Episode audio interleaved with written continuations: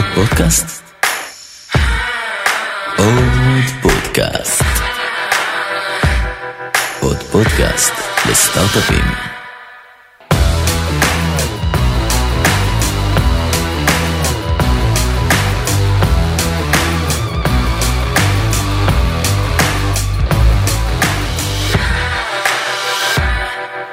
אהלן. יופי, גיא. יופי, יופי. זה מקליט? כן, בטוח? כן. גבי, נמצאים פה שני חברים טובים ואני, טומי. תשתדל לא להפריע הפרק, בסדר? זה- אני אשב בצד.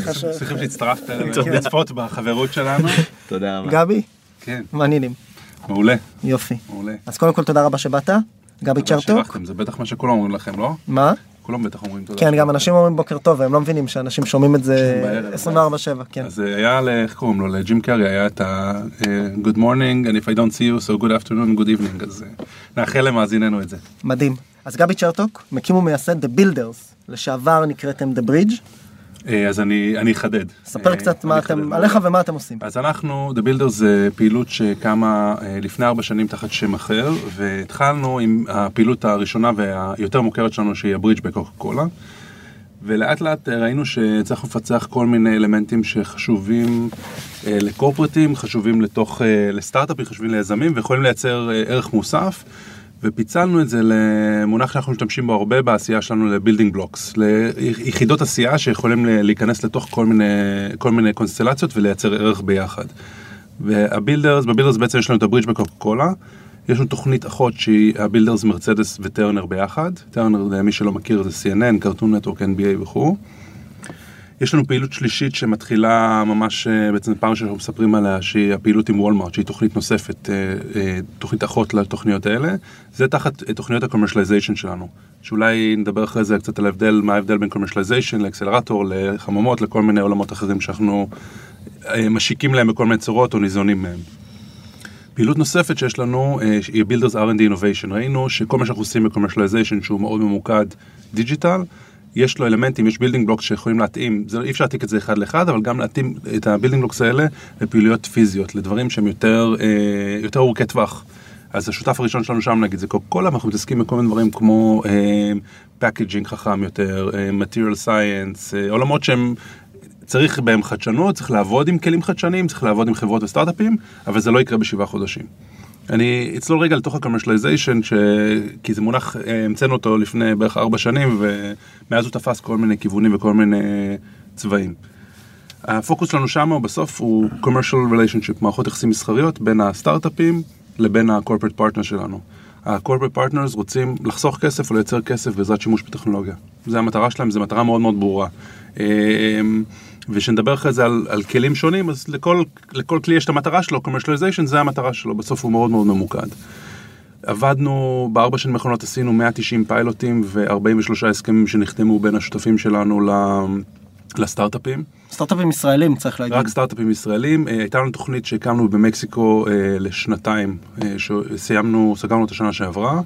אה, עם המון המון אה, לימוד, אפשר לדבר על זה שוב אחרי זה, גם ניכנס לעומק על מה ההבדל בין עולם היזמות פה לעולם היזמות במקסיקו, וכמה בן דוד של אלי נוברשטיין מסקוור פג, הוא, ב- יש לו- קרן במקסיקו סיטי, והוא מכיר את הזה וכל אחד זה, וכמה הקהילות מאוד מאוד דומות, קהילות יזמות במקומות שונים בעולם, כי הייתי צריך שם מאוד להיכנס לתוך העולם היזמות בכלום זמן, ולהבין מי נגד מי, ולגייס מנהל בממש... אה, עם הרבה עזרה של האקוסיסטם הישראלי.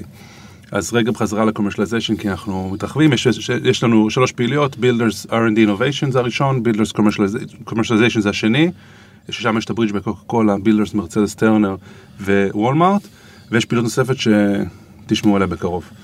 מעולה. עכשיו אנחנו בעצם, בוא נחזור שנייה, זה היה ב-2014 שהקמתם את הפעילות, נכון. נכון? היה פה, אנחנו דיברנו על זה קצת לפני הפודקאסט ואני רוצה שנייה להרים לך להנחתה, בסדר? היה פה, זה היה מה שנקרא אה, שנת האינפלציה אה, של תוכניות התמך אה, לסטארט-אפים וכל מיני גופים שמתעסקים בחדשנות, בסדר? אני בכוונה לא קורא לזה אקסלרטורים כי אני אתן לך לבאר את הבידול, אה, אבל בעצם הבאתם פה משהו חדש, או שונה לפחות אה, ממה שהיה, גם בכמה רמות, גם ברמת הברנדים שמעורבים בפנים, בסדר? שמעולם לא נגעו בצורה כזו אינטנסיבית בברנדים בכזה לבל בחדשנות ישראלית פעם אחת, פעם שנייה במתודה, באסנס וגם בסוג הסטארט-אפים שאתם מחפשים. אז בוא תדבר קצת, באמת אמרת מסחור, מסחור, מסחור, משהו שהמצאנו, מה זה הדבר הזה ולמה זה שונה מרוב הדברים האחרים שיזמים עכשיו בתחילת הדרך שומעים את הפודקאסט ואומרים, אה, יש את אה, The Builders ויש את, אה, לא יודע, 8200 ו Junction. למה זה תפוחים ותפוזים? אז אה, אני לא רוצה להגיד שתפוחים תפוזים, אלא אחד זה אולי seed או זרע, ואחד זה כבר הצמח, והשלישי זה כבר הציץ, והרביעי אולי זה הפירות. אז זה- זה אבולוציה, זה לא דברים שונים בהכרח. ואני חושב ש, שבגדול, אה, אנ- קודם כל בהגדרה, אנחנו לא תוכנית תמך בסטארט-אפים, אנחנו תוכנית תמך בקורפרטים. המטרה היא לעזור ל corporate לעשות כסף, לייצר כסף, יש תוצר לוואי לזה, שזה ערך אדיר לסטארט-אפים. יזמים שמגיעים אלינו, קודם כל בשלב, אז אני אגיד הבדל בשלב, רוב היזמים אצלנו הם חברות שגייסו בין 2 ל-8 מיליון דולר. זאת חברות יחסית בוגרות, 60% מהחברות. יש לנו כמה חברות יותר צעירות. אז דבר ראשון בשלב, אה, שגייסו? בהכרח שגייסו, גייסו? אחרי שהם כבר גייסו 2 עד 8 מיליון דולר, זאת אומרת חברות שיש להם מוצר עובד, יש להם לקוחות ראשונים, ויש להם אה, רווחים... אה, גם ש- טוב, זאת אומרת המטרה העיקרית שיהיה להם מוצר עובד, אוקיי. שבגלל 60 אחוז הם יותר בוגרים, 40 אחוז יותר צעירים, אבל הפוקוס הוא על, יש לנו עכשיו חברה bootstrap שהיא היא לא גייסה, ויש להם מוצר ויש להם לקוחות ורווחים והכל אחלה, אבל הפוקוס הוא על מוצר עובד ולקוחות ראשונים. ולמה? זה לא כי אנחנו אה, יותר טובים או צריכים להיות חברות יותר טובות, כי כשאתה מגיע לקורפוט וניסינו, היה לנו בשנים הראשונות חברות שהן צעירות, שהמוצר שלהם עוד לא עובד, שזה הלקוח הראשון שלהם. ואז הקורפוט אומר, מגניב, התלהבתי מהקונספט, אני אפילו, ובהרבה חברות הגדולות, אין להם בכלל את האמונה שמה שאתה אומר להם לא נכון. אומרת, אתה אומר שיש לי מוצר שעושה כך ככה, יאללה, אז בוא, נ- בוא נשתמש בו. ואז הוא אומר, לא, הוא יכול לעשות ככה וככה, הוא בעצם יעשה כך וככה בעתיד, בחזון שלנו. ואז זה גם חידוד מאוד חשוב ליזמים שמדברים מול אה, לקוחות ומול משקיעים. יזם ממוצע פוגש כל הזמן משקיעים, כל הזמן באינטראקציה עם משקיעים, ולפעמים אפילו הפיץ שלו הוא כל כך מחודד למשקיעים, שהוא שוכח לשנות את הפיץ שלו ללקוחות. ושם יש אלמנט מטורף, שפתאום מגיע לקוח, ואתה מראה לו מצגת, והוא מאמין לכל מה שאמרת לו. במשקיע אומר, רגע, אבל פה אני רואה שאין לך את זה, ופה חסך את זה, ופה מתי יהיה לך, ואיזה גרסה יש לכם. לקוח אומר, הבנתי, סבבה, אז בואו בוא ננסה את זה. לכן אנחנו רוצים סטארט-אפים שאם תהיה הצלחה, והצלחה תהיה מערכת יחסים מסחרית, אז הרעיון שיהיה מערכת יחסים מסחרית. יוכלו לדלבר. יוכלו לדלבר מיד, ולשני הצדדים זה יהיה טוב. היה לנו סטארט-אפים שהקורפט אמר, מעולה, אני רוצה לפרוס עכשיו 30 מדינות, מעולה, בוא נתחיל. אז אתה אומר, "אה, 30 מדינות, לא, אין לנו זה, ובכלל באירופה אנחנו בכלל לא יכולים כי אין לנו GDPR, וה cloud שלנו לא, לא תומך בכלל ב, גם בארצות הברית וגם בזה, אז עזבו, עצרו רגע, בוא ייקח לנו זמן. ואני חושב שצריך גם לשים פה עוד notion, שכשגייסת קצת כסף, או שאתה במצב, אה, גיוס כסף זה איזשהו קטליזטור למצב אובייקטיבי כאילו של חברה. בדיוק, כן. זה בא ואתה אומר אם גייסת אז כנראה יש גם מוצר עובד והתחלה של traction וכולי. אבל זה גם בא ואומר שהחברה ב lifetime שלה כבר עובדת עם לקוחות, והיא לא שמה את כל יהבה מה שנקרא על, ה, על הוורטיקל הזה. נכון. אה, זה עוד דבר שאנחנו מסתכלים עליו שחשוב שלא לא לבנות חברות ש, שהם אה, יהיו חברה של לקוח אחד. זאת אומרת, אם חברה אומרת, יאללה, אני עוזב את הכל, אני עושה רק עכשיו, רק בשביל וולמוט, או רק בשביל מרצדס, או רק בשביל טרנר, רק בשביל קוקה קולה, זה לא טוב. זה לא טוב לחברה, זה לא טוב לחברות הגדולות, כי חברות לא יכולות לשרוד מכזה דבר. מה יקרה שיום אחד אחד מהשותפים האלה יקרה מה שמאוד נפוץ בארגונים האלה, עושים ריאורג, שינוי ארגוני. קורה בכל רגע נתון, כל אחד מהארגונים האלה בשלושה שינויים ארגוניים איפשהו בעולם. ואז אה, אנשים עוזבים, אנשים אה, מתחלפים, אנשים, אה, אה, עכשיו יש להם יעדים חדשים, המטרה הארגונית משתנה והסטארט-אפ יכול למות מזה. רוצים, הרעיון הוא לתמוך בסטארט-אפים שיהיו וייבל, שבעצם יבנו, כן. יבנו את עצמם כחברה אמיתית, שזה יהיה אחד מהאלמנטים שיזרז אותם ויאיץ אותם, ואני בלב, יש לסבתא שלי חברה בת 99, ואומרת, פעם אמרה לנו, אני לא יכול להגיד לכם, אין פה אף אחד שיגיד לכם כמה יפה אני מציירת. אז אני אגיד לכם כמה יפה אני מציירת. אז אני יכול להגיד, באמת, אני ב- בלב שלם אני יכול להגיד שיש אה, עשרות יזמים שחייהם השתנו משמעותית מהתוכנית הזאת. והתוכנית עשתה enablement לדבר הזה, מאינטראקציה עם קורפרטס, כי אנחנו כמעט ולא מלמדים שום דבר בכיתה, אבל אה, לומדים הרבה. יש המון on the job training והמון חיכוך עם אנשים, ויש סיטואציה נדירה שאתה עושה פיץ' למישהו בקורפרט, ואז אתה יוצא מהחדר, ואז הוא אומר, הוא אומר למישהו, במקרה הזה לנו, מה הוא באמת חושב. והיה לנו עשרות מקרים שהיזם התקשר לו, אמר, איך היה לך? אומר, מדהים. שאלנו את הקורפרט, הוא אומר, האמת היא, אחלה חבר'ה, לא הבנתי מה הם עושים. באמת, היה שעה מאוד מעניינת, אבל אני פשוט לא הבנתי מה הם עושים. אמיתי, אחרי שעה. ובדרך כלל מה שיקרה בעולם, פשוט יפסיקו לענות לו מיילים. יגיד לו תודה רבה, אין לנו תקציב, כל מיני אה, סיבות אחרות. אנחנו מארחים מלא משלחות אצלנו, ואנחנו שואלים את המשלחות, איך במדינה שלכם אומרים לא בצורה מנומסת ליזם. אז הסינים אמרו לנו, it's a nice idea. ככה אתה אומר לא. והיה משלחת צרפתית, אמרו לנו זה סופרב. זה, אם אתה לא אוהב רעיון של מישהו, ככה אתה אומר לו זה סופרב, זה הדרך להגיד לו לא. בצורה יפה. אז ה- ה- ה- לקבל את התשובה האמיתית זה רגע נדיר. וזה, שהיזמים שמספרים לנו מה אחד מהערכים שהם מקבלים אצלנו, אחד מהדברים האמית- הכי טובים זה שהם מקבלים אה, תשובה אמיתית. לפעמים הפיץ' שלך גרוע, אה, המוצר לא ברור, או המוצר עונה על צורך שאין אין לו בעיה. ואף אחד לא נעים, ברוב העולם אנשים מנומסים ולא יגידו לך את זה בפנים כי פגשו אותך כרגע. בישראל אם אתה לא אוהב רעיון של מישהו, מה אתה אומר לו? רעיון גרוע, אתה אידיוט, זה לא ילך בחיים, אני אתן לך רעיון יותר טוב משלי, תעשה אותו במקום, תרוויח הרבה כסף. אז הפער הזה גם בציפייה ובתרבות, שאתה באינטראקציה עם מישהו, הוא פער גם מרתק וגם מקום שיש בו המון ערך. כי אם אתה יכול אז לדעת... אנחנו כבר נדבר על העניין של אה, הבדלי תרבות בין שני, ה, שני הקהלים האלה השונים. אני רגע רוצה להמשיך בדברים היבשים שנייה לגבי, ה, אה, לגבי הפעילות. אז קודם כל זה investor driven, כלומר אתם לוקחים אה, אחוזים, איך, איך בדיוק עובד כל, ה, כל האינטראקציה איתכם? אז בגדול, אה, זו תוכנית של שבעה חודשים, אנחנו לא לוקחים אקוויטי, לא לוקחים שום דבר מהיזמים, רק מבקשים מהם את הדבר הכי יקר שיש להם, זה זמן. אוקיי. אז מבקשים מהם התחייבות של שבוע בהתחלה, שבוע בסוף, ושעתיים פעם בשבועיים. וואו. אמ, וההתחייבות היא לתהליך המכירה בעצם. בשעתיים האלה מה שאנחנו עושים, אנחנו מבלים, עוברים על הלידים, עוברים על מי פגשו, מה, מה, מי ענה להם, מי לא ענה להם, איפה הם צריכים עזרה, איפה יכולים לעזור ולקדם דברים.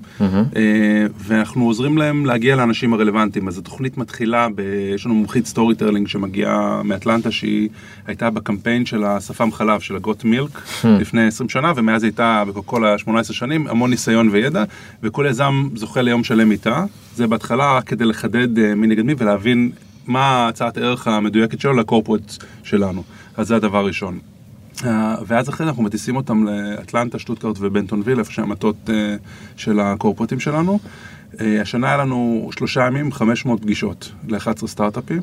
כל סטארט-אפ ישב בחדר, אחד יושב בחדר במרצדס, נכנס מישהו, יוצא מישהו, נכנס מישהו, יוצא מישהו, והוא עושה, בעצם מתחיל להכיר את הארגון, ולהתחיל לייצר פאזל. אז זה הפעם הראשונה, ויום אחרי זה הוא חוצה את הכביש, או טס לאטלנטה, ועושה... כמה זמן כל. פגישה כזו? חצי שעה. אוקיי.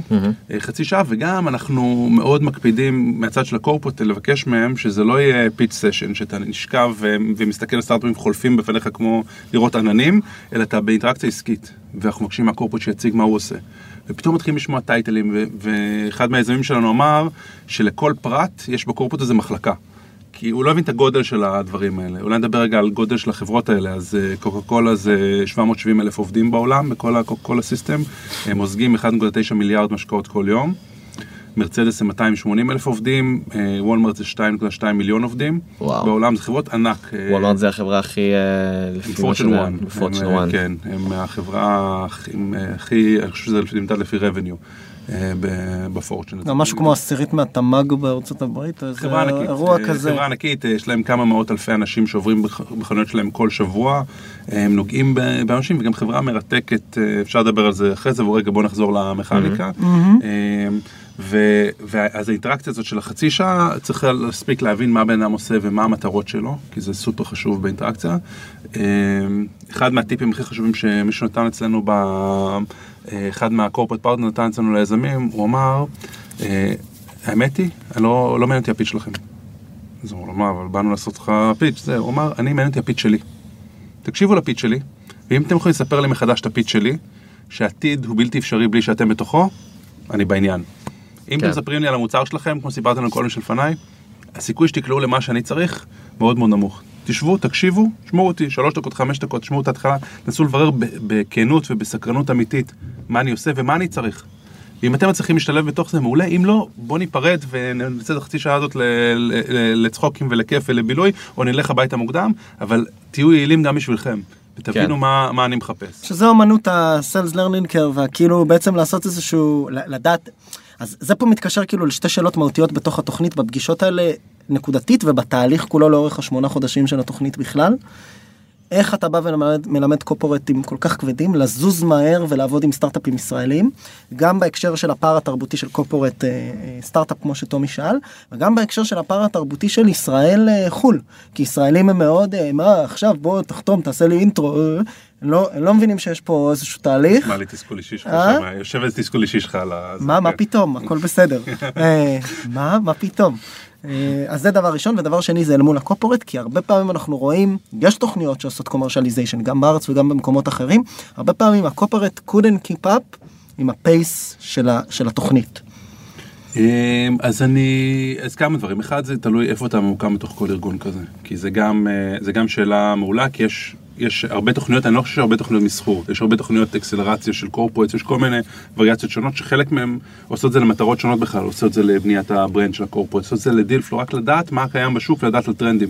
יש תוכניות שזה המטרה שלהם היחידה. הסטארט-אפ בא כדי למכור, אבל הקורפורט בא כדי ללמוד. וברגע שהמטרות הן מיסליין, אז, אז יכול להיווצר תסכול. אה, אז זה קודם כל לגבי המטרות. שאלת ככה כמה שאלות בתוך, ה, בתוך השאלה הזאת, אבל אה, אני, אני חושב שזה, איפה שאתה מתחיל בתוך הארגון, זה מה שיקשה עליך אחר כך, או יק- יקל עליך לטפס בתוך הארגון. אם אתה מתחיל ממחלקת המכירות המקומית בתוך ארגון שהוא לא, שלא מחובר לארגון הגלובלי, יהיה מאוד קשה לטפס החוצה. אמ, גם, גם להכיר ארגונים, נגיד בקוקה קולה, אם אתה יודע מה זה ה Coca-Cola Company ומה זה bottler, זה מבקבק, המבקבק זה בעצם הזכיין שהוא מפיץ את המשקאות, הוא עושה את רוב העבודה של הבקבוק והוספת אה, מים ו- ומכירה ואיש שנוסע בשטח ומביא את זה לחנות, רוב העבודה היא אצלו. בהקשר הזה. ה company עושים marketing, עושים הרבה דברים אחרים, בונים מותגים חדשים, אבל ה- אם אתה בא עם הפיץ' שהוא פיץ' לבוטלר ואתה מביא אותו לקמפני, יחשבו שאתה חייזר, לא יבינו למה, למה באת, כי זה כל כך לא רלוונטי להם. וגם הפוך, אם אתה בא לפיץ' שהוא מיועד לקמפני ואתה מביא אותו לבוטלר, זה, זה לא יעזור לך, ובכל העולם לכולם כתוב קוקה קולה על החולצה. אתה אומר, הייתי אצל מישהו מקוקה קולה, כתוב לו על כרטיס ביקור גם הוא of uh, uh, Innovation, uh, Operations and uh, Supply Chain בקוקה קולה הלניק. מה זה אומר? הוא בכיר, הוא לא בכיר, יש לו תקציב, אין לו תקציב, איך הוא מחובר לשאר הארגון. קולה הלניק במקרה זה בוטלר, אז זה זכיין, אבל זכיין שלו 27 מדינות אני חושב. אז זה, זה כן טוב, זה לא טוב, צריך להבין את זה. הדבר הראשון שאני מייעץ ליזמים לעשות זה, זה בכלל לשאול את זה. שזה סופר לגיטימי. סליחה על הבורות, אני לא בדיוק הבנתי, מה זה אומר Director of Innovation Operation Supply Chain ומה זה אומר קוקולה הלניק? זאת אומרת, אני רואה שהמטה שלכם, אני יודע שקוקולה המטה שלכם באטלנטה, אבל כתוב על הכרטיס ביקור שלך שהמטה שלך הוא ביוון, או המטה שלך ברומניה, או המטה שלך בארץ אחרת. מה זה אומר? אתה יכול רק להסביר לי במילה, כי אני לא מבין. וזה סופר לגיטימי, ודרך זה מתגלים הרבה דברים. אז גם זה, איפה אתה מתחיל בארגון, החלום הזה של יזמים לפעמים באים, יזמים, דרך אגב, היזמים יותר מנוסים כבר מבינים שזה לא ככה, של טוב, עבדתי עם, אה, עם מרצדס באיפשהו בעולם, עכשיו זה ישתכפל לכל המקומות בעולם, נכון? לוחצים על כפתור, ועכשיו כל העולם משתמש בי. ואז אתה מבין שזה לא ככה, כי לכל אחד יש אינטרסים שונים, לכל אחד יש מחלקות שונות. בכלל יכול להיות שהפתרון שלך מתאים למדינה ספציפית, והגעת למדינה ספציפית, ודרום אפריקה זה פתרון מעולה. אה, נגיד מרצדס עכשיו מוכרים מכוניות בדרום אפריקה באונליין. אתה יכול לקנות באתר אה, רכב. והם גילו תופעה נורא מעניינת, הם גילו שמה השעה הכי נפוצה לדעתכם שקונים רכב אונליין? שבן אדם קונה ב- באתר אה, רכב. 12 בלילה. מה אתה אומר גיא? גם, לילה. אחת בלילה. אחת אוקיי. בלילה. ומה אין באחת בלילה? תמיכה. וכשאתה קונה מוצץ, אתה רוצה איזה מישהו צ'אט או משהו כזה. אז נגיד, זה בעיה שהיינו יושבים פה לפני דקה ולא יכולנו לדמיין אפילו את הבעיה הזאת. ופתאום אתה מבין שזו בעיה שהיא סופר מעניינת, סופר רלוונטית. והיא, והיא באזור מאוד ספציפי. האם עכשיו ניקח את דרום אפריקה ונלך לצרפת, יש אותה בעיה? לא. אה, כי הם עוד לא מכירים אה, אונליין, ועכשיו התחילו בכמה מדינות באירופה למכור אונליין. אז שם יש בעיות דומות, שונות. הרעיון הזה שפתרונות יכולים חלק להשתכפל, חלק לא, זה, זה רעיון מורכב. אני רוצה לשאול אותך על המורכבות הזאת. אתה- לא, פשוט לא ענית על שאלה. עניתי על חלק מהשאלה, עכשיו זה נכון. שש שאלות בשאלה אחת. אז אני אנסה לסבך. אתה רוצה? אה, רואה, כן. כן. אמרת, אמרת בה שבהתחלה, בהתחלת השיח, אמרת שיש פה איזה עניין שאתה קודם כל הלקוח הראשי שלכם זה הקופורטס, אוקיי? ויש לפעמים אה, מקרים שזה עוצר ב- בסוג של בעייתיות, כי סתם, אני נגיד, ש- שדיברת, אמרתי לעצמי, וואי, הם חברת, הם כמו חברת HR, רק לעולם הסטאר, רק לחדשנות. הם כאילו מוצאים את הסטארט-אפים והחדשנות המתאימה ומחברים את זה למי שצריך.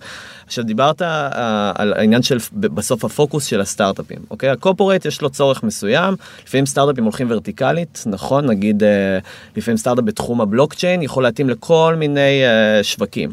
איך אתה בעצם משמר את האינטרסים של הסטארט-אפים גם, ברגע שאתה עובד איתם, שהם לא הולכים עכשיו לפוקוס אחר לגמרי, כי יש להם איזה, עכשיו איזה דיל עם מרצדס לעשות בלוקצ'יין לתוך המכוניות שלהם, ועוד הם מפספסים את כל תחום הפינטק מצד שני, ובנקים שכבר עובדים איתם.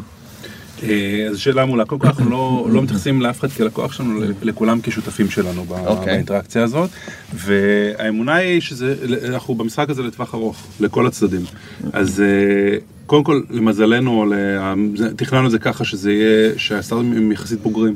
אז אנחנו לא לוקחים סטארט-אפ שזה הפעם הראשונה שלו בים, שהוא אין לו מושג, שהוא לא יודע מי נגד מי. זה קודם כל, אנחנו עובדים סטארט-אפים יזמים חכמים מאוד, שמבינים מה הם רוצים, ש- שמקשיבים. דבר שני, אה, אנחנו מסתכלים על זה, כמו שאמרתי, לטווח ארוך. אין לנו קטע קטע של בוא נדפוק את הסטארט-אפ הזה לטווח קצר, ואז אחרי זה זה יסדר.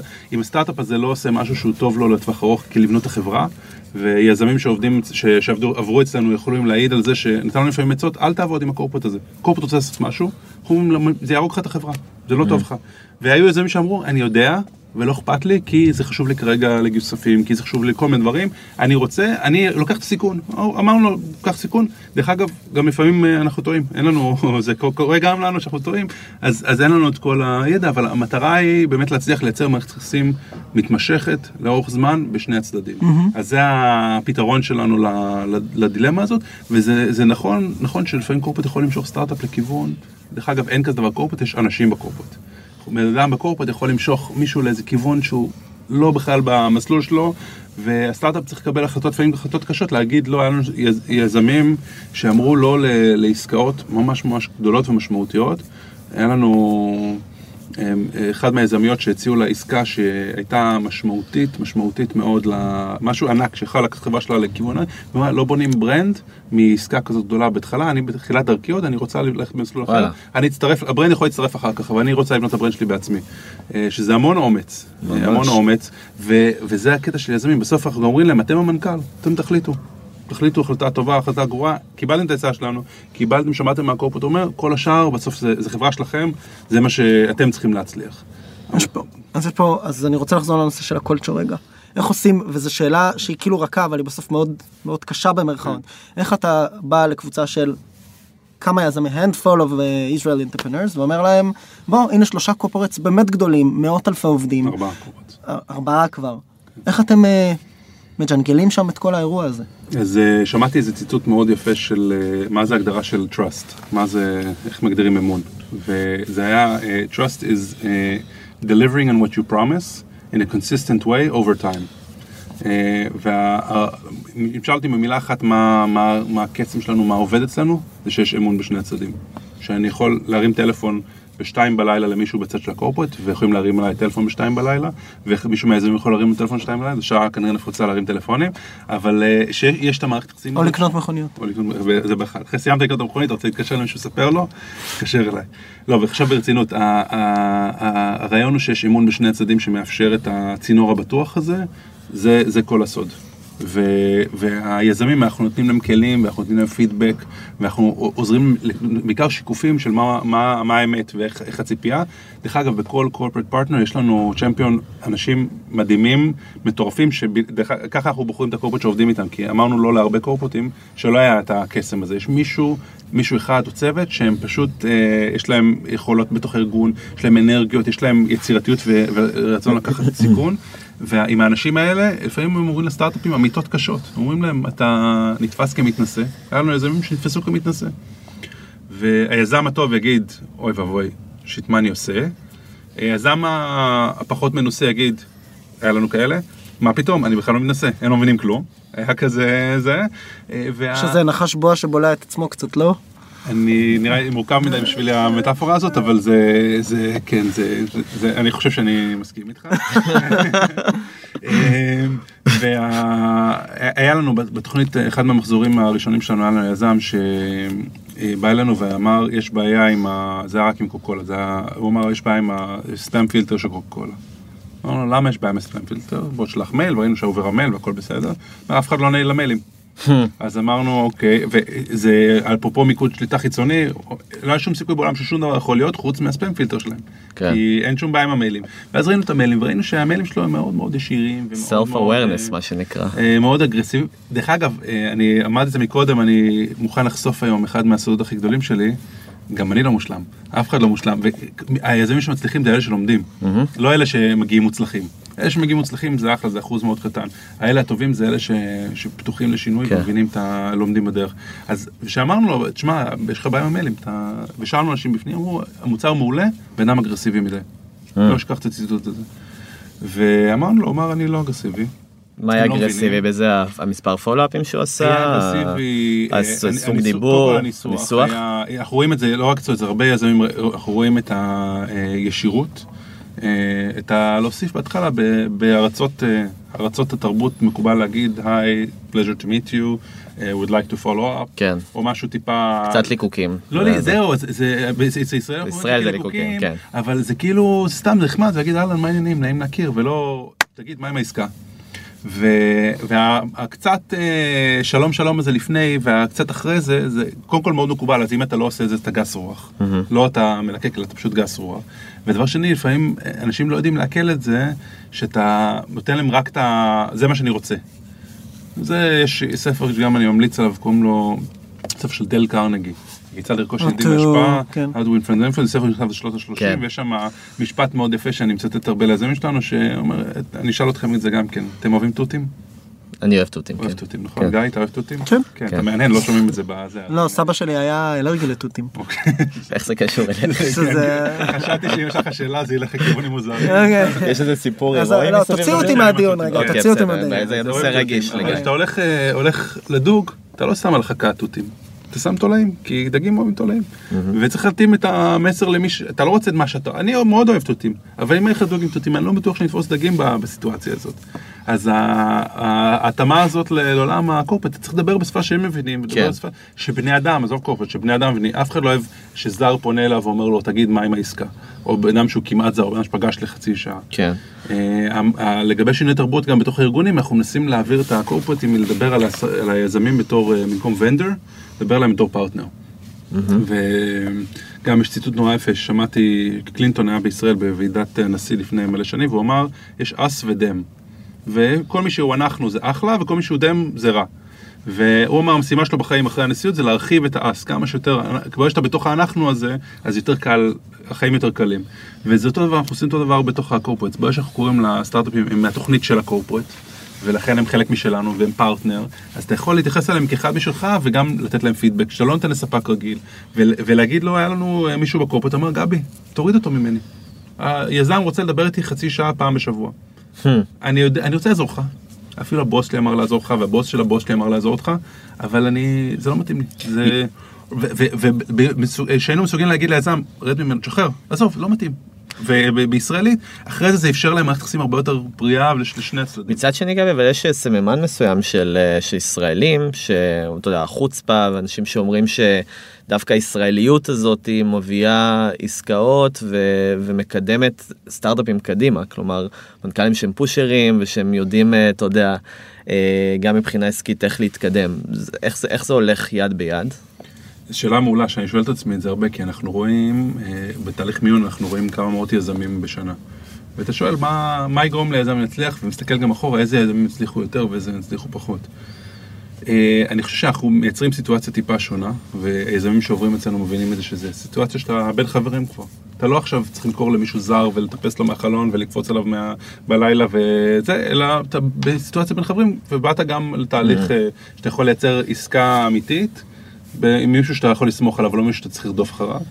אה, הדבר השני זה שאנחנו גם מייצרים, אה, במהלך השבעה חודשים האלה, אין אה, בן אדם שלא עונה למיילים ונעלם. כי אם הוא לא עונה למיילים, אז אני, או אבירם, או לי, אנחנו נהיה, נהיה בעוד שנייה, אנחנו נהיה באטלנטה או בשטוטקרט או בבנדון, ואנחנו נדפוק לו לדלת ונגיד לו, היי, מה העניינים? לא היית למיילים, מה קורה? בוא תעזור לנו. אז, אז המערכת יחסים מתמשכת, אז לא צריך לרדוף בצורה בלתי נלאית. וזה גם שאלה של, אה, יש, יש אצלנו, אחד מהיזמים אה, הגדיר, אה, הגדיר לפולו-אפים שלו שמונה, עד שמונה פולו-אפים, עד שאתה מפסיק לשלוח למישהו מייל. והוא אומר סטטיסטית, גם בפולו-אפ 7 אנשים עונים לפעמים במייל.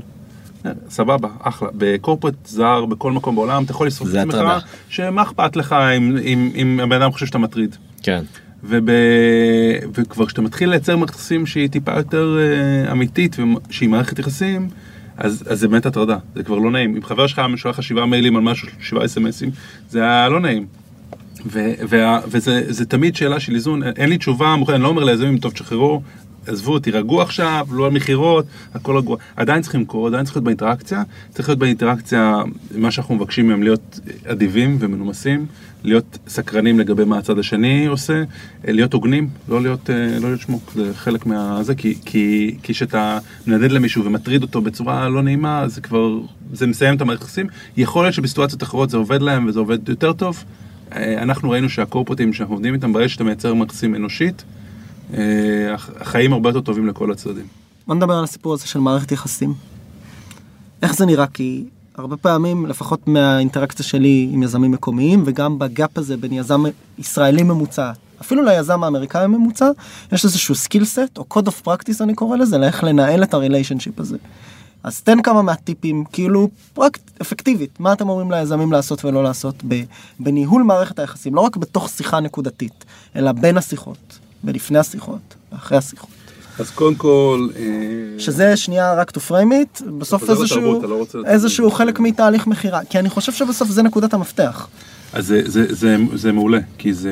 אני טועה? אתה צודק שזה זה המון, נכון, זה המון. המון זה התרבות. אחר, אחר, אחרת גם למה, אתה יודע, יש פה כאילו פסיליטציה שלמה שהיא סביב הגישור הזה. אחרת למה לא למכור ישירות ל- לוולמארט? נכון. זה... צריך לחשוב, אז, וזה הטיפ הראשון, הטיפ הראשון זה לחשוב עליהם. תחשוב על מישהו, ב, ב, אצל השותפים שלנו, מספרים לנו שמקבלים בשנה בערך אלף, האנשים הבכירים, אלף פניות אה, בשנה בלינקדאין. ועם אלף פניות, זה אומר בעצם אפס. אין לך באמת capacity להבדיל מי זה מה ולהבדיל מי נגד מי, זה מאוד מאוד קשה. אז ההצפה, אחת מהסיבות שהקורפות רוצים לעבוד איתנו, זה הרעיון של האיכות. אנחנו, יש לנו תהליך מובנה, רואים סטארט-אפ חודש בשנה. זהו, אחרי, אחרי החודש הזה, לא רואים אף סטארט-אפ חוץ מהסטארט-אפים שבתוכנית שלנו. אתה יכול לפתוח את הפה? באיזה קטע? אתה... נושם קבוע? כן, תפתח את הפה. אבל לא שומעים את זה למיקרופון, שומעים שומע את זה זה. באוזן שלך. גבי, תמשיך. מקווה. לא, זה לא. לא זה לא. לא- לא זה לא, להפך, ככה יתחיל הפרק. תעביר את זה להתחלה. כן, אז... קורפרטס. כן. זה מה שאתה עושה. קורפרטס. אז, הרעיון הוא באמת, אה, באמת להבין מה, מה הם צריכים, וחלק מהרעיון זה שאנחנו עושים תהליך curated, זה איזושהי אוצרות של, האוצרות של, ה, של הסטארט-אפים ואוצרות של האינטראקציה במערכת יחסים. הערך הגדול שהם מקבלים זה שיש שם משהו שהוא נשלט, שהוא בסביבה ברורה, ושהוא אה, גם ברמה מובטחת, זאת אומרת יש איכות מובטחת לכל הסטארט-אפים שמגיעים דרכנו. אה, ולעשה ואל תעשה, אז דבר ראשון שהייתי אומר ל- ליזמים, זה, זה, וזה כמעט קלישאה, ו-90% מהיזמים לא עושים את זה. פשוט לשים שנייה, להבין מה הבן אדם שני רוצה. לשאול גם? גם ול- לשאול. ולשאול, וזה סופר לגיטימי לשאול. תודה, אני עוד שנייה אתחיל לספר לך מה אנחנו עושים. אפשר רגע לפני שמתחילים, דקה עליך, תספר לי מה אתה, מה, מה אתה מנסה להשיג, ואז הוא יספר דקה, או היא דקה גם נהפכת לעשר דקות. זה, זה, לא, זה לא חייב להפוך, זה לא, זה בדיוק זה, זה לא ה... בוא נשתמש בקליק כדי להפוך למניפולציה, כדי להוציא ממנו עשר דקות. זה באמת להיות סקרן, להבין, רגע, להבין מי עומד. לא, אני אומר את זה בקטע טוב, אם מתפתחת פה שיחה על אינטרסים. לשיחה, ה- ה- המטרה היא באמת פשוט להבין מ- מהלב, להבין למה, למה אתה פה. ואם אם היה לנו מקרים שהבן אדם אמר, האמת היא, אני שמעתי עליכם, נראה לי מעניין, לא בטוח שזה פותר לי אף בעיה עסקית, אני עושה משהו אחר לגמרי, אבל באתי לשמוע.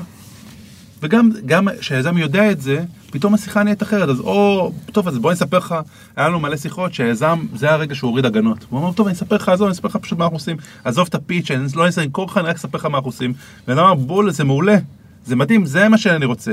וכשהיזם עושה את הפיץ', אז הפיץ' הוא לפעמים לא מחודד, לא מתאים למה שהבן אדם מחפש, ו- ומאבדים דברים, לפעמים פשוט לספר לבן אדם מה אתה עושה, זה, זה התחלה מעולה. זה מה- הבעיה שהתחלנו לעבוד בטמפלטים, אנחנו מטומפלטים לכל התעשייה הזאת על, על דק מסוים שהוא ספציפי, על פיץ' מסוים שעבדנו עם איזה מנחל, אה, אתה יודע, לפיצ'ים, ונהיינו מטומפלטים, וזה כבר בא, אתה בא אוטומטית ואתה מציג לכל בן אדם שהוא את אותו מצגת, את אותו דק, את אותו דבר, ולא בהכרח זה נכון, לא בהכרח זה, זה, זה משרת אותך, בעוד עדיף פשוט לעשות שיחה. כמו, כמו אנשים רגילים על מה אני עושה ומה אני יכול, איך אני יכול לעזור לך. זה, אתה נוגע בנקודה מורכבת, כי אם אתה צריך להציג לאלף אנשים משהו, מהמם. כדאי שיהיה לך איזה משהו שאתה יודע מה להציג, אתה ברור. חייב, אתה מתחדד. אה, אני קורא לזה, זה מונח שאני נתפסתי אליו מאוד, ואני קורא לזה hyper optimizers. וכישראלים אנחנו, קודם כל יזמים הם, הם optimizers. ומספיק שיש לך אה, מקום בתור רגע לפני, יש רכב שלא, כך רואים את זה, אצל ישראלים כל כך רואים את זה, מישהו יש רכב, אז אתה נכנס פנימה, כי מילא יש שם רכב והוא קורא בטלפון, אז אני אכנס בינתיים ואני אעשה אופטימיזציה לתור בחנייה. ואז עם, עם יזמים אתה רואה את זה כעוד הייפר אופטימיזציה, עוד יותר אופטימיזציה על כל דקה, על כל זה, לעשות איזה מקביל, לעשות 800 דברים, ולפעמים מאבדים את הטאצ' האנושי שם. אז אני הייתי תמיד לחשוב על איזשהו שילוב. זה גם צריך להכיר במגבלות של אנשים, כל אחד, יש יזמים שלא לא מסוגל, אני הייתי אומר, תיכנס לחדר תאלתר, ה pitch הכי טוב שהיה לנו, שנה שעברה הציגו לנו 165 יזמים עשו pitch, אה, אה, עשו application או היו referred אלינו, אני אספר על זה תכף גם, וראינו 72 סטארט-אפים, חצי שעה, חצי שעה, חצי שעה, ה pitch הכי טוב שהיה, הבן אדם בא בלי מצגת. storytelling מטורף, פשוט יושב, להם מה מה הוא עושה. כמעט מחאו לו כפיים בסוף. למה כמעט? אה, כי אתה יודע, זה אמרנו. מה עושה pitch, לא, אה, סליחה, זה בדיוק העניין. היה זה- זה כי הוא ניהל- שיחה עסקית איתם, זה העניין, כי הוא ניהל שיחה עסקית איתם, והוא לא עשה להם כן. הצגה שמוחאים כפיים להצגה. זה בדיוק העניין, הוא סיפר להם סיפור וניהל איתם שיחה, וזה מרתק, מרתק לראות את הזווית הזאת, אבל גם להכיר שלא כולם הם, או רוב האנשים הם לא אומני storytelling גאונים מטורפים, אז צריך כלים. אני תמיד חושב על איך עושים את השילוב הזה, איך מתאמנים עם משהו שהוא template שאתה יודע להגיד, אם עכשיו מעירים אותך באמצע הלילה וצריך לעשות פיץ', היו לנו כאלה דברים, יזם שכח לעלות את השיחה, אז הערנו אותו באמצע הלילה ואז צריך לעשות פיץ', אה, אה, אתה, לפעמים גם זה קורה לכולנו, ו, וה, ואיך אתה עושה את, את הכמה דקות שלך שהן מובנות, ואתה יודע לעטוף את זה ב, באזורים שהם נפתחים, ב, בכל מיני צירי התפתחות של השיחה. ויזם, אה, מי שמכיר את זה, אני הייתי- מנכ"ל של סטארט-אפ לפני זה, והיה לי מצגת שעשיתי אולי אה, 600 גרסאות שלה. כי יש את הגרסה לאהוב, גרסה לזה, וגרסה עם השקפים האלה, וגרסה בלי הכיוון, יש מלא נתיבים כאלה, קצת כמו אה, בנדרסנאצ' עם נטפליקס, יש לך מלא מלא וריאציות, אז אתה, אתה, ברגע שאתה מכיר בזה שיש לך מלא וריאציות, ואתה יודע, זה, זה הקור, אם אני צריך, אה, במקום 40 דקות, אני צריך 5 דקות או 6, 12 דקות קור, וכל השאר זה הלבשות שאני יכול להלביש בהתאם למטרה. כל אתה מודע לזה לפני שאתה ניגש לזה, וזה קשה לכולנו, רוב, רובנו נכנסים לחדר, ועושים את הפיץ' שלנו, מספרים את הסיפור שלנו. הערך המדהים זה כמעט קסם שראיתי שקורה, שברגע שאתה עוצר רגע ואתה שואל את הבן אדם השני, לא תמיד עונים לך, דרך אגב, אומרים לך, עזוב, אני אספר לך אחר כך, בוא נתקדם, גם זה לגיטימי, אבל אלה ש- שמייצרים שם שיחה אמיתית, מגלים קסם וגם, אני, זו דוגמה שאני אני נורא אוהב מבוסטון, אה, הכי גר בבוסטון, ויש שם לעמודי, ל-fire hydrants, לצינורות כיבוי אש, לעמודי כיבוי אש, יש מוט ענק, מוט שני מטר שיוצא מתוכו. ובאתי ואמרתי, זה ממש מוזר, אמרתי לאחי, מה זה אנטנות, זו טכנולוגיה חדשה שהם מודדים פה, והוא התפקע מצחוק, מה, למה אתה צוחק? הוא אמר לי, זה מוטות לשלג. אמרתי לו, אבל מה השלג? שתי מטר שלג? זה לא הגיוני שיש שתי מטר שלג. כן, השלג מתחבא, שני מטר שלג, וצריך למצוא את ה-fire hydrant בתוך השלג, אז צריך מוט שיבלוט שני מטר מעל זה, כדי שכוחות הכיבוי יגיעו. אבל, וזה אותו דבר עם הקורפרטס, אתה לא יכול לדמיין את מה שאתה לא מכיר. לא יכולתם לפני אה, חצי שעה, לא יכולתם לדמיין של מרצדס בדרום אפריקה, יש להם בעיה של הצ'אט ספורט באחד בלילה. והסקרנות והשאלות האלה, ו- ובטוח שכל אחד מכם עלה לו בראש על שישה סטארט-אפים שפותרים משהו באזור הזה. ואותו דבר לסטארט-אפ, שפתאום הוא שומע את הבעיות של הצד השני, גיא עשה כבר אינטרו. ב- מה זה? זה כבר אינטרו. מה, מה, אני רוצה לשאול את שאלה, מה, למה צריך אתכם? מה הזווית שלכם בכל הסיפור? למה זה לא קורה בתוך הקופורט? למה קוקה קולה, כשהיא באה ועשתה בהתחלה את מה שהיה The Bridge, גם The Builders, לא באה ואמרה, אוקיי, אני אקים innovation פנימי. למה אנחנו צריכים innovation חיצוני? מה, אני שואל את זה במקום כן, של כן. יש לזה יתרונות, יש לזה חסרונות. אה, אז אה, קודם כל, יש רק לחידוד, יש תוכנית שנקראת הברידג' בקוקולה, עדיין ממשיכה, פשוט יש עוד, עוד תוכניות אחות. אה, והתוכנית, נגיד במקרה של קוקה קולה, או במקרה של כל הקורפוטים, כולם נאבקים באיך צריכים, יודעים שחלק מהדיסטרפשן יבוא בחוץ, יודעים שיש המון אנשים חכמים בחוץ, ובניגוד ללפני 20 שנה או 10 שנים, פעם היית בא לפני 20 שנה, אתה אומר, יש לי סטארט-אפ, אומרים יופי, אז תגייס 20 מיליון דולר, 50 מיליון דולר, מתי תגדל כדי שתפריע לי בכלל? ומנכ"ל וולמרט אמר זה משהו יפה באיזה רעיון שהוא נתן, הוא אמר זה משהו יפה ש, שוולמרט קמה, היא קמה ברוג'רס ארקנסו. וביום הזה אף אחד לא פחד. אף אחד לא אמר, וואי, וולמרט קמה, איך אני אעמוד בתחרות הזאת. ואז אז גם הקורפטים מכירים בזה ש, שיש כל הזמן דברים חדשים, שקמים שהם עדיין קטנים מספיק, מספיק כדי שלא יהיו איום, אבל אולי יכולים לעזור להם להאיץ. כולם רוצים אה, להיות ראשונים לשוק, רוצים first movers advantage, אז רוצים לדעת את הטכנולוגיה לפני. אה, כשהתחלנו בשנה הראשונה, אז חלק מהיזמים אמרו, אנחנו לא רוצים לעבוד איתכם. אמרנו, למה לא? אמרו, אתם קורפרט, זה איטי, זה ייקח שנים, אתם תהרגו אותנו. הוכחנו להם בסוף, דרך אגב, היעד שלנו בשנה הראשונה מהעשרה סטארטים שבחרנו, היעד היה שיהיה פיילוט אחד מעשרה. היה לנו 14 פיילוטים אחרי חצי שנה, אז הוכחנו שהצלחנו לפצח שם משהו. אבל היזמים אומרים, אני הולך לכל המתחרים של הקורפרט לפני שאני בכלל אגיע אליכם. אני הולך לכל הקטנים קודם, אני הולך למתחרי הקטן שלכם, מתחרי הקטן שלכם. כשנגיע, ל- כשאני מוכן לקוקה קולה מרצדס או טרנר וולמארט, אני אגיע אליכם אחרי שכבר מכרתי לכל המתחרים שאני שם משופשף. והקורפרטים רוצים את ה-first mover advantage ומבינים שיש להם פער היום. אי אפשר אם מישהו ינחת עכשיו מאחד מהקורפרטים בלב תל אביב ויצעק אני מחפש סטארט-אפים, יעמדו מולו שורה של סטארט-אפים. אז הזכרנו פער תרבות corporate מול סטארט-אפ, הזכרנו אה, פער תרבות ישראל מול אה, מדינות אחרות. אה, וגם היכולת להבין מה, להבין שתי שפות שונות. כי סטארט-אפים בהרבה מקרים מדברים מהעולם הטכנולוגי, וה corporate מדבר על בעיה עסקית. כל מה שאנחנו עושים כולו מנוסח ב business problems. זה, זה, זה נגיד עוד, עוד זווית שונה. אתה יודע, אה, לפני משהו כמו שנה וחצי התלבטתי אם להביא ילד לעולם.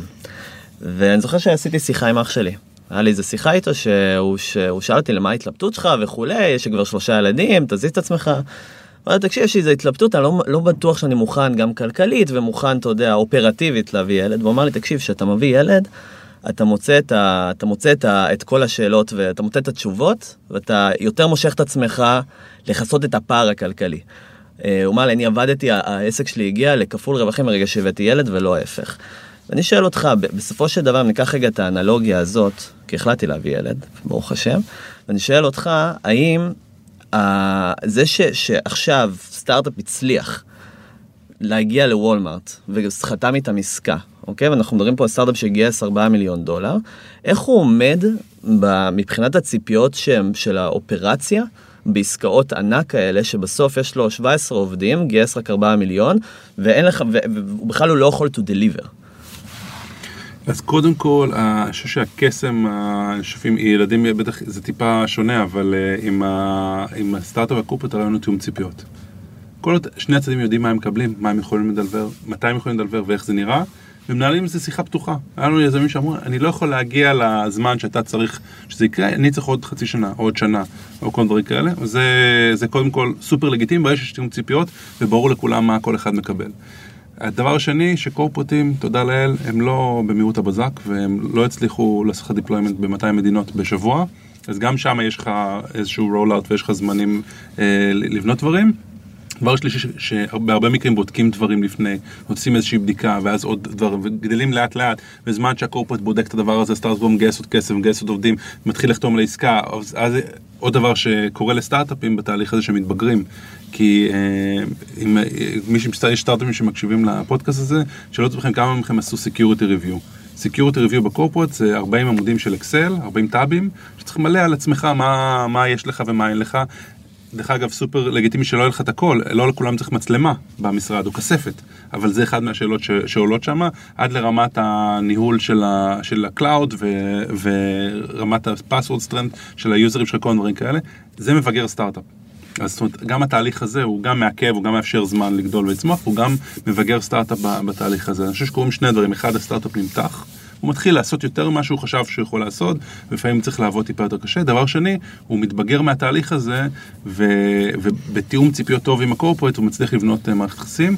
אה, לא, לא להתבלבל, אין אה, חברה שהגיעה לנו, ויום אחרי שהגיע אמרו, טוב, הנה החוזה של ה-100 מיליון דולר, ותתחילו לעבוד. זה תמיד תהליכים של להכיר, להכיר את שני הצדדים, להכיר מה מסוגלים לעשות. הכי מהיר, אני חושב, היה לנו תוך חודש מהיום הראשון של ה... הכי מהיר, תוך הכי חודש. מהיר היה תוך חודש, זאת אומרת, מהיום הראשון, הסטארט-אפ הגיע, לתוכ- התקבל ביום חמישי, ביום ראשון התחלנו את התוכנית, חודש אחרי זה כבר היה לו אה, פיילוטים, שזה היה עם ה-NBA, זה היה הראשון. ובממוצע, אה, בממוצע אחרי ארבעה חודשים עושים פיילוטים, בגדול. אה, שזה מהר מאוד. מאוד מהר, מאוד מהר, גם לקורפרטים דרך אגב. גם, גם הם מעצמם עפים על הקצב שלהם, כי ייצרו פה, ייצרנו תהליכים שמקצרים הרבה דברים, אה, גם בליגל, גם בסקיוט, כל מיני דברים שייצרנו תהליכים פנימיים שהם טיפה יותר מהירים. אה, ממוצע מגיעים ארבעה חודשים, שוב, יש כאלה שיותר לאט, יותר מהר, אה, לפיילוטים, ומה שמעניין שבערך אחרי שנה מתחילת התוכנית כבר מתחילים לחתום על הסכמים ו... ולהפוך את הדברים, מתממשים לדברים יותר גדולים. אה, יש, יש יותר מהירים, יש לנו סטארט-אפ שאחרי ארבעה חודשים כבר היה deployed, באנגור deployed במרצדס באפליקציה live עם יוזרים, אה, ארבעה חודשים מהיום שנפגשו, שזה מגניב ומטורף. איך אתם מקצרים תהליכים? אמרת legal וכולי. כן, אז קודם כל אני חוזר לאמון. אה, שיש לנו את האנשים ב procurement שמכירים אותנו ויודעים יודעים מה זה היה לנו באחד מהקורפורטים שהגיע סטארט-אפ ואמרו לו מה ישראל? אין לנו בכלל רוב... אה זה מהברידג' אה זה מהבילדרס אה אנחנו יודעים איזה טופס למלא סבבה. זה אני כבר מכיר כי כבר עברו פה 53 כמוהו שבתהליך דומה. אז לפעמים זה זה שיש משהו מוכר ו- ויותר בטוח ו- ואמון. אה, בחלק מהקורפורטים יש לנו חוזים יש טמפלטים של חוזים שונים יש חוזה במקום ה-93 עמודים יש חוזה קצר של 4 עמודים שהוא מאפשר אה, אה, טסט או איזושהי אבלואציה יותר קצרה ויותר מאפשרת לשני הצדדים לבדוק את הדברים לפני ש... זה פיילוט בעצם. זה, לפעמים זה פיילוט, לפעמים זה evaluation מחוץ למערכת, זאת אומרת, אתה לא חייב לעשות אינטגרציה בתוך המערכת כדי להוכיח מה שאתה עושה, זה, זה משתנה.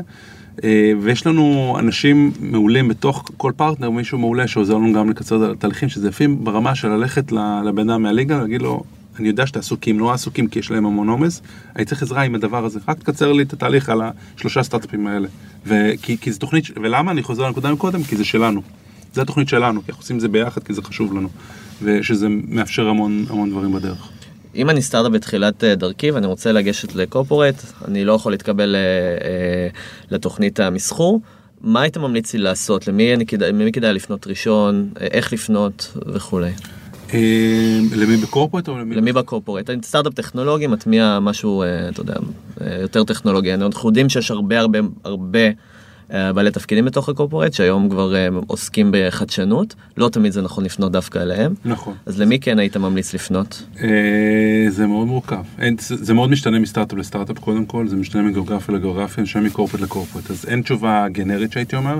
הייתי מנסה להסתכל על אנשים שמדברים בכנסים, לפעמים אה, זה הדרך הראשונה, לא, לא לפנות אליהם, אבל לקרוא על האנשים שמדברים בכנסים, כי הם מדברים על הצרכים של הארגון. אוקיי. ואז להבין, רגע, אם בכלל אני פותר בעיה של מישהו. זה כדבר ראשון של, ה, של התהליך. דבר שני, הייתי מנסה כן להגיע למישהו שהוא אה, איפשהו בעולמות הקורפרטים האלה אה, יותר נגיש. שוב, תלוי כמה אתה מוקדם סטארט, סטארטים שנגיד להם עכשיו תיסעו לכנס בווגאס ותשמעו, זה, זה מורכב בשבילם, אבל, אה, אבל הייתי מנסה להבין בכלל האם אני פותר בעיה לקורפוט הזה ולמה, ומי הבן אדם שאני פותר לו את הבעיה.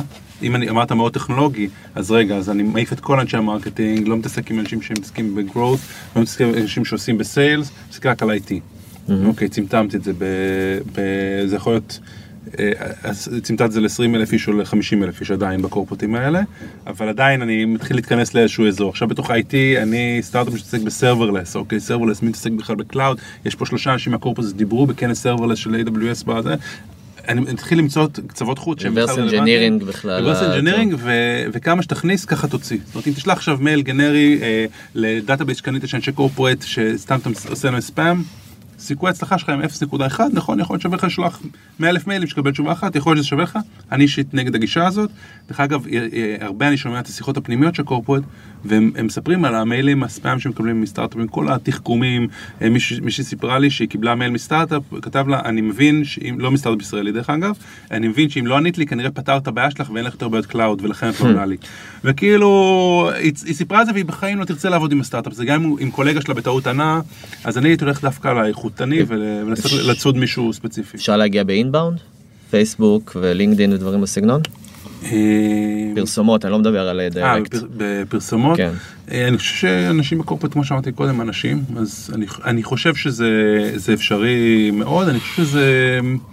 לא ראיתי סטארט-אפ שהצליח ממש לטרגט ככה, אבל שוב, יכול להיות שאני אני לא מכיר מספיק להגיד, אבל יכול, לא ראיתי סטארט-אפ שהצליח לטרגט את הבן אדם הנכון, בקורפרט הנכון לדבר הזה. אני חושב שהרבה, בגלל שיש כזה עומס והצפה של מידע, אז אנשים מחפשים ביטחון, מחפשים דרך מי שאני מכיר, מחפשים איזשהו משהו, איזושהי אינדיקציה חיצונית, ואני גם לא חושב שלסטארט-אפ שזה הלקוח הראשון שלו, שזה, שזה יכול להרוג אותו, זה יכול להזיק לו, או שהוא יקבל איתותים לא נכונים. יגידו בואנה, מעולה מה שאתה עושה. מעולה, אבל הייתם משלמים על זה? אה, לא. זה פשוט מעולה, אחלה. מעולה, אבל זה פותר לכם בעיה? לא, לא פותר בעיה, אבל זה נשמע לי ממש מגניב. אה, אז אפשר לקבל איתותים לא נכונים שיקחו את הסטארט-אפ למקום הלא נכון. אה, לכן הייתי, הייתי מנסה לחשוב, האם הדבר הראשון לסטארט-אפ זה דווקא איך לקורפט, יכול להיות שעדיף לו לנסות לברר את זה בצורות אחרות, לברר אם מה שהוא פותר זה פותר בעיה. אתה בתעשייה הזו לא מעט זמן, אתה גם מעורב בתוכניות יזמות של 8200, היה לך סטארט-אפ משלך, אתה בדברידג' עכשיו בבילדר, סליחה, אני רגיל, אתה לומד, אה. מה שנקרא can't teach all dogs new tricks. מה אתה רואה מלא חברות ישראליות בתחילת הדרך בסופו של דבר בין אם הם לא גייסו גייסו כמה מיליונים. כשאתה בסוף עושה אקומולציה למידע ואומר זה הדברים המרכזיים שיזמים ישראלים יכולים להשתפר בהם או לעשות יותר טוב אל מול הקופורטס או בכלל. מה הנקודות האלה.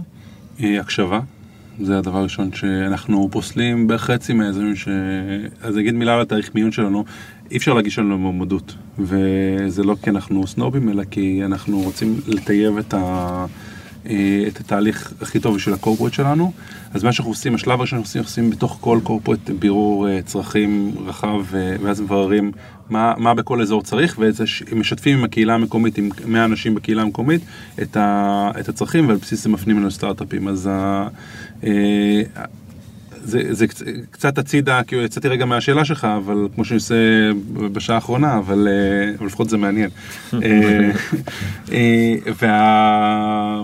בניגוד לשאלות שלי, אגב. כן, השאלות שלך מצוינות, דרך אגב, זה, זה, זה חוזר לאזורים שהם, שהם שיכולים להביא הרבה ערך. אז הדבר הראשון זה הקשבה, ואמרתי על התהליך רפרל, כי אנחנו, הרבה יזמים אנחנו פוסלים על זה שהם קשה, של, הם לא מקשיבים.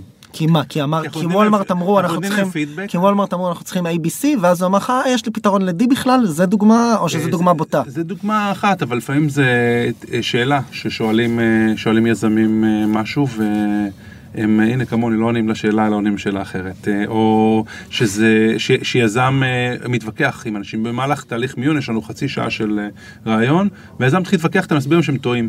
עכשיו יושב ה-Head of Digital Platforms של CNN ואומר לך משהו על דיגיטל פלטפורמס לפאבלישרס. ואומר יזם, לא, זה לא, זה, מה שאתה אומר זה לא, לא נכון. זה, זה, לא, לא, לא צריך יותר מדקה, לא צריך יותר מלהיות נוכח בשלושים שניות האלה כדי להבין שאם ניתן ליזם הזה פידבק, יהיה מאוד קשה לתת לו פידבק אחר כך. ו, וכמובן סיטואציה מלחיצה ויש כל מיני דברים שקורים, אבל ה, ה, בסופו של דבר זה, זה היכולת של להגיד, שמעתי מה אתה אומר, האמת תן לחשוב על זה. יכול להיות שאתה צודק, יכול להיות שאני טועה. קורה לכולנו. השנייה הזאת של האקסטרה, מלא מלא יזמים נופלים בזה, שזה נגיד דבר אחד ש... על הקשבה, להבין אז הקשבה. מי, מי נגד מי.